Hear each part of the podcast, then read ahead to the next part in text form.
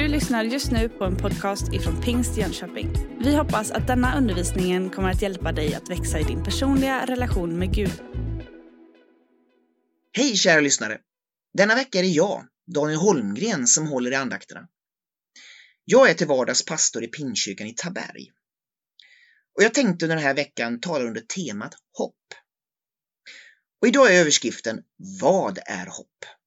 Och eh, följ med mig då till Romarbrevets åttonde kapitel och verserna 24 till 25. Det står så här. I hoppet är vi frälsta. Men ett hopp som man ser uppfyllt är inte längre något hopp. Vem hoppas på det han redan ser? Men om vi hoppas på det vi inte ser, så väntar vi uthålligt. Man inser ibland vad vi tar vissa ord för självklara.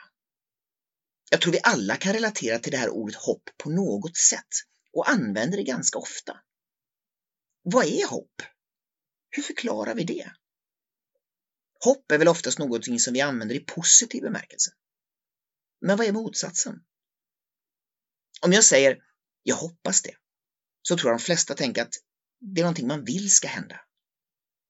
Om jag säger jag befarar det, så är det också någonting som ligger i framtiden men det handlar om någonting som man inte vill ska ske. Hopp är alltså någonting som i grunden är positivt, som man förlitar sig till. Jag tror att de flesta människor har någon form av hopp på någonting. Hoppet är någonting mänskligt och det är kanske det som håller vår överlevnadsinstinkt igång. Jag tror att det är i grunden någonting av Gud ingivet i människan. Vi är Guds avbild och det kanske säger någonting om Gud också.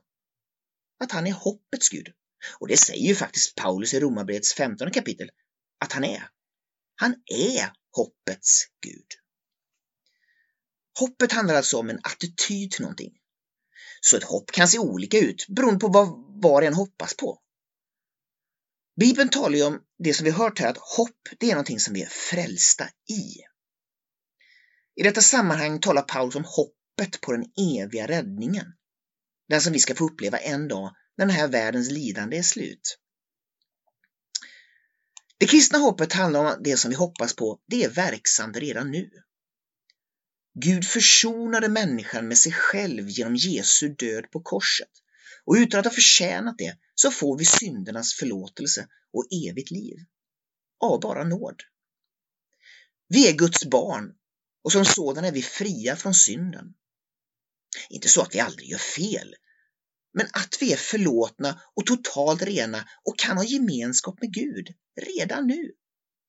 Dock, när vi ser runt omkring oss så ser vi inte Guds rike så som vi tänker oss det när vi läser i Bibeln. Guds plan och löften väntar fortfarande på sin fullbordan. Paulus talar om att till och med själva världen, jorden, väntar på att bli befriade. Men skapelsen kan inte göra någonting åt det. Den ligger fången under människans synd.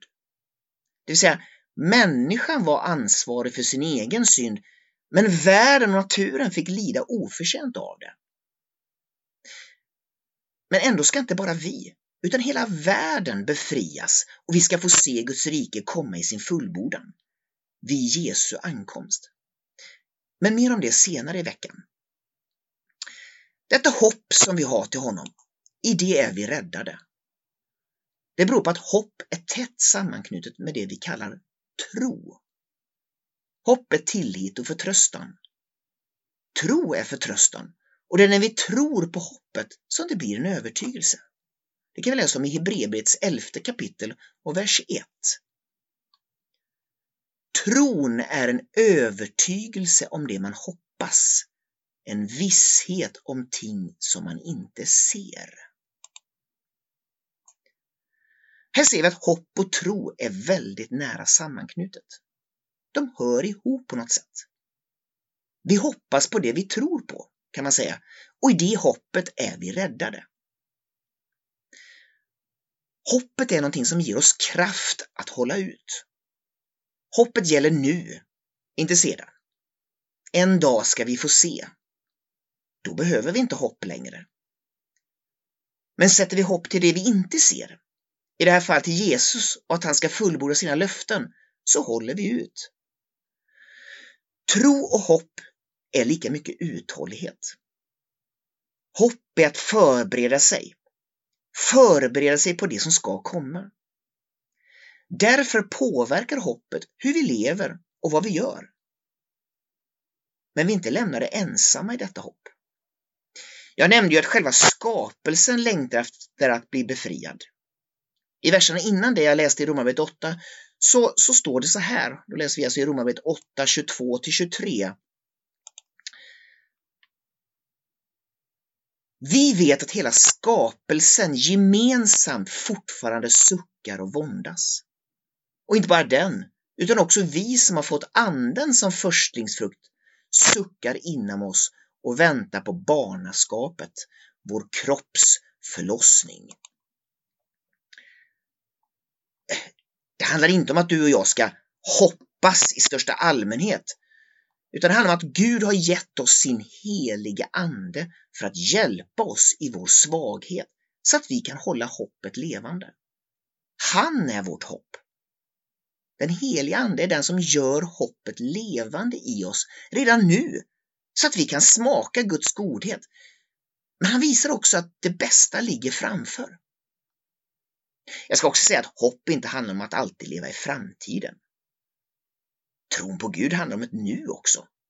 Vi lever här och nu och det är viktigt att vi betonar det också. Men hoppet handlar om att det jag tror på och gör för Gud är mycket större än vad jag kan greppa och det ligger utanför oss själva. Livet med Gud handlar inte om att göra sin plikt som kristen. Det handlar inte bara om verksamheter i kyrkan som vi brukar ha. Ja, bortsett från när det inte är coronapandemi förstås. Men all verksamhet är ju inte borta. Det handlar om att veta varför jag gör det jag gör för Gud. Nu, du kanske därför ibland vaknar på morgonen och undrar varför du ska engagera dig i söndagsskolan denna termin också. Eller varför du ska sätta dig bakom teknikerbordet vissa söndagar eller varför du ska engagera dig i Royal Rangers eller vad det nu det kan vara. Så är det för att du tjänar ett rike som är så mycket större än vad du kan föreställa dig och som syftar till att Guds rike ska utbreda sig och få sin fullbordan en dag. Det handlar alltså inte alls om bara lite verksamhet. Du tjänar för att du vill vara med i det stora som Gud gör och som kommer att leda till att hela världen en dag kommer att omfattas av Guds rike. En värld som kommer att vara helt perfekt. Och där kommer hoppet att vara en drivkraft som drar dig framåt. Hoppet är det sista som sviker oss, brukar man säga. Och det stämmer nog. I första Korinthierbrevet 13 och 13 så är hoppet, vid sidan om tron och kärleken, en av de tre beståndsdelar som ska bestå. Hoppet är viktigt. Och imorgon ska jag tala om vad hoppet gör med oss. Gud välsigne dig. Du har just lyssnat på en podcast ifrån Pingst Jönköping. För att få reda på mer om vilka vi är och vad som händer i vår kyrka så kan du gå in på pingstjonkoping.se eller följa oss på sociala medier via pingstjkpg.